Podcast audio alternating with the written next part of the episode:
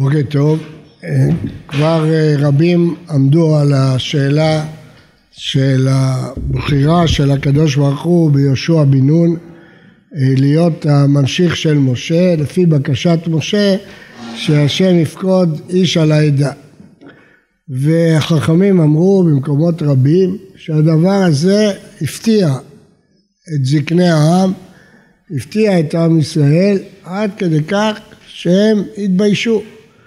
אמרו אוי לה לאותה בושה, אוי לה לאותה כלימה. הם התייחסו ליהושע כנער משרת משה, הוא לא היה כל כך נער כבר, כי ארבעים שנה קודם הוא כבר פיקד על המלחמה בעמלק, אבל הוא נחשב ביניהם משרת משה, ולפי דעתם היו רבים שראויים לתפקיד הזה יותר ממנו. קודם כל, עצם משבר מנהיגות הוא כמובן דבר מאוד מאוד קשה אה, בכל דור, אבל בפרט בדור הזה, משה רבנו, התורה מעידה עליו, לא קם נביא עוד בישראל כמשה, שידעו השם פנים אל פנים. התורה מעידה עליו, לא היה ענב כמשה, איש משה ענב מאוד וכל האדם אשר פני האדמה. התורה מעידה על כל האותות והמופתים שהוא עשה, ואנחנו מלווים את משה מיציאת מצרים כאשר הוא מושיע את ישראל, מנהל אותם במדבר, קשורים אליו, זה מה שהם ידעו, עם ישראל, משה רבנו, עכשיו משה נפטר, וזה משבר, המשבר הזה קיים בכל דור. כאשר המנהיגות הזקנה אה, בטלה ובאים צעירים תחתיהם, זה יוצר אצל האנשים המבוגרים משבר. הם התרגלו לאדם אחר, לאישיות אחרת, ופתאום בא איש צעיר ותופס את התפקיד הזה בכל מקום, כל מקום בעולם, זה באופן טבעי יוצר משבר.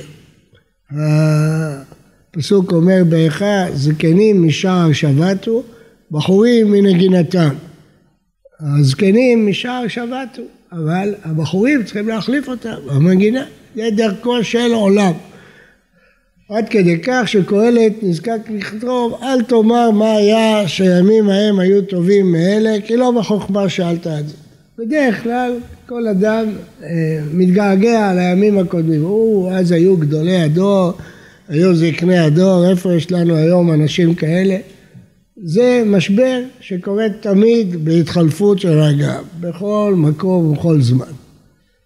אבל כאן המשבר גדול במיוחד, כי היחס של עם ישראל למשה היה יחס מאוד מאוד מיוחד. אה, עם כל ההתמרמרות והתלונות שלהם עליו, הם היו קשורים אליו, כמו אבא, אנוכי יריתי את העם הזה, ואנוכי ליטיהו כי תאמר אליי שיור חלקך כאשר יישא אומן את היונק. הוא הרגיש שהוא נושא אותם כמו אומן שנושא את היונק. ועם ישראל היה קשור אליו מאוד, פתאום הוא הסתלק, הוא ואהרון ומרים, הם נשארים בלי הנהגה. ולכן כל מנהיג שהיה נבחר זה היה משבר קשה. אבל כאן המשבר היה עוד יותר קשה, שנבחר אדם שהם לא ציפו שהוא ייבחר. הדבר הזה הוא לא יחיד במקרא, שהבחירה של הקדוש ברוך הוא היא לא הבחירה של בשר ודם. שמואל הנביא כשראה את אליאב הבן אח של דוד בנו של ישי אמר אח נגד השם משיחו זהו משיח זה המלך אבל הקדוש ברוך הוא אמר לא בזה בחר השם ודוד הוא הקטן הקדוש ברוך הוא בחר בו וכמו ששמואל הנביא אומר כי האדם יראה אל העיניים השם יראה אל הלבב מי זה האדם? שמואל הנביא שנאמר עליו הרואה הרואה בתנ"ך זה שמואל הנביא והוא לא ראה הוא ראה אה, דבר אחר, והקדוש ברוך הוא ראה דבר אחר. כיוון שאנחנו יכולים לראות לעיניים, אנחנו לא יכולים לראות ללבב. והקדוש ברוך הוא רואה ללבב. עד כדי כך עם ישראל התביישו, שאמרו כשנבחר יהושע, אוי לה לאותה בושה, אוי לה לאותה כלימה. אז אה, תראו שמנהיג צעיר לא צריך להתאכזב כשחושבים עליו כך, כי ככה חשבו על יהושע. אוי לה לאותה בושה, איזה בושה, מי המנהיג שלנו עכשיו? יהושע. איזו בושה, איזו כלימה. פני משה כפני חווה, פני יהושע כפני לבנה, קיבלו את זה מאוד מאוד קשה. אבל הקדוש ברוך הוא בחר בו. וחכמים גילו לנו מדוע הוא בחר בו, ודיברנו על זה כבר כמה פעמים, אבל הפעם אני רוצה להוסיף נקודה, שתי נקודות שלא עמדו עליהן. קודם כל כתוב בתורה שמשה, אה, יהושע משרת משה מבחוריו. הוא היה נאמן של משה לאורך כל הזמן, לא זז ממנו. והמעלה הזאת, שהוא היה, כפי שאמרו חכמים, מסדר את הספסלים לפני משה, היא הייתה מעלה ששילבה שני דברים, ענווה יחד עם דבקות ברבו. ושני הדברים האלה שאנשים לא כל כך החשיבו, אבל הקדוש ברוך הוא החשיב אותם מאוד, משרת משה ובחורה. אני רוצה לציין עוד דבר, יש לזכור שהוא הראשון, המצביא הראשון, הוא נלחם בעמלק, בחר לנו אנשים ויצא להילחם בעמלק. יהושע הוא היה המצביא שניהל את מלחמת המצווה הראשונה, מלחמה בעמלק, והוא נבחר לנהל את מלחמת המצווה השנייה, כיבוש הארץ, שתי מלחמות המצווה. הוא ניהל את המלחמה הראשונה והוא מנהל את המלחמה השנייה. אני רוצה להזכיר עוד דבר שלא הדגישו אותו, שיהושע הוא היחיד מבין כל עם ישראל שלא נכשל בשני החטאים הגדולים במדבר, חטא העגל וחטא המרגלים. חטא המרגלים, יהושע וכלב, לא נכשלו. חטא העגל, מניין? פשוט. כאשר יורד משה אל ההר, פוגש את יהושע עם הלוחות, ויהושע אומר לו כל מלחמה במחנה. הוא לא יודע מה זה. אומר לו, לא כל ענות גבורה, לא כל, רק כל ענות אנוכי שומע. אומר המדרש, הקדוש ברוך הוא אמר ליהושע, מי שעתיד להנהיג את ישראל לא יודע להבחין בין קול לקול. זה לא קול מלחמה, זה קול של ענות שרוקדים לפני העגל. אז איפה היה יהושע? לא היה שם. משה אומר לעם, כשהוא עולה להר, אני עולה, אבל הנה אהרון וחור עמכם. יושבים פה אהרון וחור, איפה יהושע? למה יהושע לא נבחר? כי יהושע לא היה שם. למה הוא לא היה שם? למה הוא לא מילא את התפקיד כשמשה עלה? התשובה היא, כי הוא היה צמוד למשה, הוא הלך איתו להר, אבל הוא לא יכול לעלות בהר, אז הוא נטע אוהל בתחתית ה... בשביל מה?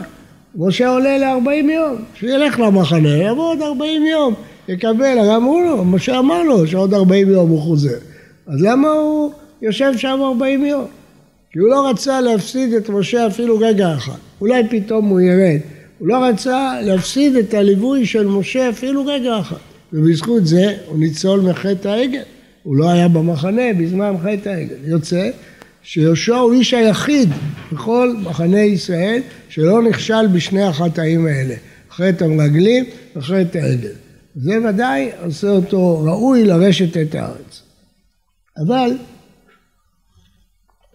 אני רוצה לעמוד על שתי נקודות אחרות, ודווקא מספר יהושע.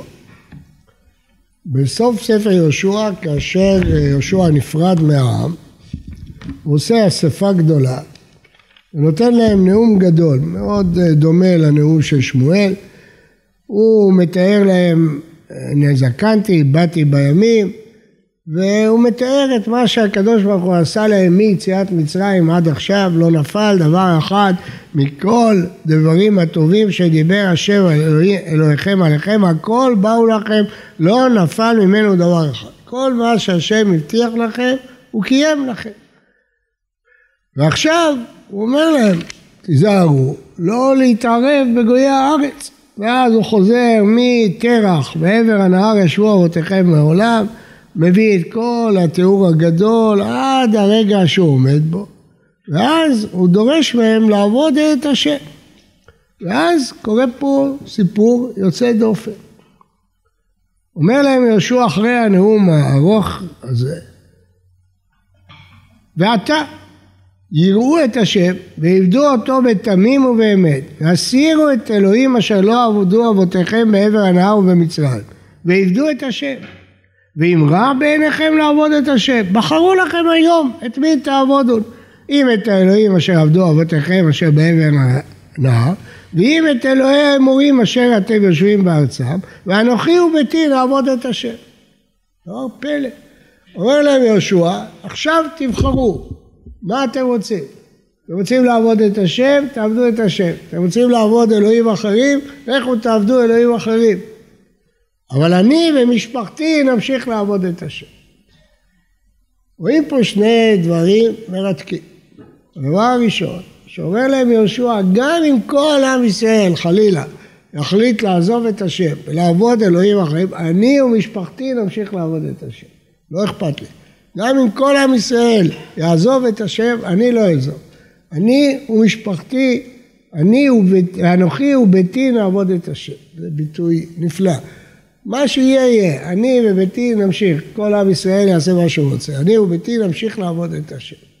הנאמנות המוחלטת הזאת. אבל יש פה עוד דבר יוצא דופן. ויאמר, ויען העם ויאמר חלילה לנו מעזוב את השם לעבוד אלוהים אחרים הוא השם אלוהינו המעלה אותנו מארץ מצרים את האותות הגדולים וישמרנו ויגרש את כל העמים אבל אנחנו נעבוד את השם לא רק אתה ומשפחתך כולנו כי אלוהים אלוהינו הוא אלוהינו נעבוד את השם ואז מה היה צריך להגיד יהושע? טוב מאוד יופי הוא לא אומר ככה מה הוא אומר? ויאמר יהושע אל העם, מה הוא אומר להם? לא תוכלו לעבוד את השם. אתם החלטתם לעבוד את השם, אתם לא תצליחו, כי אלוהים קדושים הם. אתם לא תוכלו לעמוד בזה. אל כנהו לא יישא לפשעכם וחטאתכם, כי תעזו את השם ועבדתם אלוהי נכר, ושם לכם וחילה אתכם אחרי שהיטיב לכם. אתם לא תוכלו לעמוד במה שאתם אומרים. ויאמר העם אל יהושע לא, כי את השם נעבוד. הדבר הזה הוא פלא. קודם כל, מההתחלה, איך יהושע מעז להגיד להם, תבחרו. אתם רוצים לעבוד את השם, תעבדו את השם. אתם רוצים לעבוד את האלוהים האחרים, תעבדו אלוהים אחרים. אבל לא רק שהוא מציע להם, אחרי שהם בוחרים, הוא עוד אומר להם, לא, לא תצליחו. זה יהיה לכם קשה כדי לסחוט מהם את ההבטחה שלמרות כל הקשיים, הם יעבדו את השם. אז יהושע עוד מכביד עליהם, הוא אומר, אתם לא תצליחו בבחירה שלכם. מה הוא רוצה? שהם יגידו לו, טוב, אז נעזוב עוד אלוהים אחרים? ברור שהוא רוצה להפיק מהם את הפנימיות של רצון לעבודת השם. אבל איך הוא מעז לעשות דבר כזה, יהושע? ואם הם יגידו, כן, אנחנו רוצים לעבוד אלוהים אחרים, הוא מציע להם את הברירה, ועוד הוא אומר להם, זה יהיה לכם קשה, אבל זה לא פעם ראשונה, אנחנו מוצאים את זה לא פעם יחידה, פעם שנייה, אצל אליהו הנביא, שזה הפטרה שקוראים השבת, אלמלא אה, תלתא דפורענותא. בהפטרה של פרשת פנחס, כשאליהו אוסף את כל ישראל אל הכרמל, כן? אז מה הוא אומר להם? עד מתי אתם פוסחים על שני הסעיפים? אם השם הוא אלוקים לכו אחריו, ואם הבעל הוא אלוהים לכו אחריו. מה אתם אה, עובדים ככה קצת את השם, קצת את הבעל? תחליטו. אם השם הוא אלוקים תעבדו אותו, אם הבעל תעבדו אותו. איזה מין דבר כזה? מה זה אליהו מציע להם שתי אלטרנטיבות, אם יגידו לו כן, אז אנחנו עובדים את הבעל, איך הוא עושה דבר כזה? איך הוא לוקח לו סמכות להציע להם אפשרות כזאת? אז גם יהושע וגם אליהו מעמידים את העם במצב קריטי. התשובה היא ברורה ופשוטה, אבל היא כל כך נפלאה. התשובה היא שגם יהושע וגם אליהו הכירו את עם ישראל. והם ידעו בוודאות שאם תעמוד להם האלטרנטיבה לעבוד את השם או את הבעל, בוודאי שהם יבחרו לעבוד את השם. לא היה לו ספק לאליהו, וגם ליהושע לא היה ספק, שאם הוא יעמיד להם את הבחירה, תחליטו, אתם עובדים את האלוקים, האלוקים, הוא ידע בוודאות שעם ישראל לא יבגוד בהשם. אין דבר כזה. עם מוכן, עם ישראל, לעבוד קצת את השם, קצת את הבעל, לעשות עבירות, זה טוב לו. אבל אם יעמיד אותו בפני חודו של סכין, תחליטו, אין שני דברים. או שאתם בוחרים פה, או שאתם בוחרים פה. הם ידעו, גם יהושע וגם אליהו, שהעם בוודאות יבחר בהשם. כי בתוכו של עם ישראל אין דבר כזה שהוא יבגוד באלוהיו. אין דבר כזה. לא, לא יכול להיות מצב כזה שהוא יבגוד באלוהיו. וגם אם יחידים עוברים, וגם בזמנים מסוימים עוברים, בדברים מסוימים, אבל אין דבר כזה שכשתעמוד האלטרנטיבה אתה הולך עם הבעל או אתה הולך עם השם. עם ישראל ככלל, ודאי שהוא יחליט ללכת עם השם. זה ידעו אליהו ויהושע. והידיעה הזאת נובעת מההכרה של הפנימיות של עם ישראל. הפסוק אומר שהקדוש ברוך הוא בחר בעם ישראל את השם האמרת היום והשם האמירך היום. יש הרבה פירושים. אבל אחד הפירושים של החכמים, לשון תמורה. אני נשבעתי שלא אחליף אתכם באומה אחרת, ואתם נשבעתם שלא תחליפו אותי באל אחר. מה הפירוש הדבר? וישראל עבדו עבודה זרה, עבדו ובגלל זה גלו מארצם, כן. אבל אם תעמוד להם הבחירה, כמו שמציגים להם יהושע ואליהו, או הבעל או אלוקים, הם לא יחליפו את האלוקים. הם ודאי שילכו אחרי האלוקים. זה דבר נפלא, זה גילוי נפלא. שהפנימיות של עם ישראל ודאי שהיא קשורה להיותם יהודים. הם לא יכפרו בזה. אם הם יעדו בפני החלטה כך או כך, הכלל, אני לא אומר אדם פרטי, אדם פרטי, אבל הכלל ככלל ישראל, ויהושע כל כך בטוח בזה, שהוא מנסה, להגיד לא תצליחו, כדי שהם יגידו נצליח. אז הוא מנסה, אומר להם, אתם לא תצליחו, יהיה לכם קשה, כדי שהם יגידו לא, כי אותו נעבוד.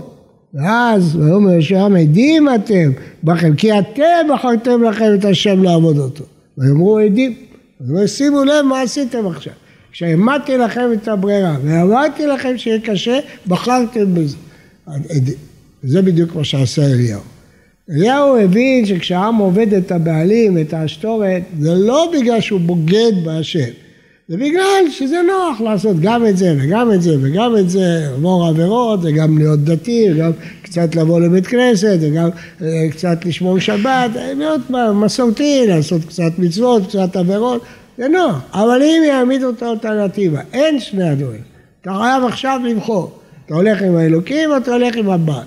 כלל ישראל לא יעלה על הדעת שהוא יחליט לעזוב את האלוקים. זה מה שלומדים מיהושע ואליהו. אנחנו רואים מפה שתי נקודות חדשות באופי של יהושע. נקודה אחת, שאפילו כולכם תחליטו לעזוב את השם, אני וביתי נעבוד את השם. לא, לא יהיה אף אחד, אני אשאר לבד, אני והילדים שלי, אנחנו נעבוד את השם. לא אכפת לי, גם אם כל העם יחליט אחרת. אני והבנים שלי נמשיך לעבוד את השם. עם איזה יציבות שרואים את ההתחלה שלה במרגלים, כן, שלמרות שעשרה מרגלים אומרים מה שאומרים, הוא נשאר בעמידתו.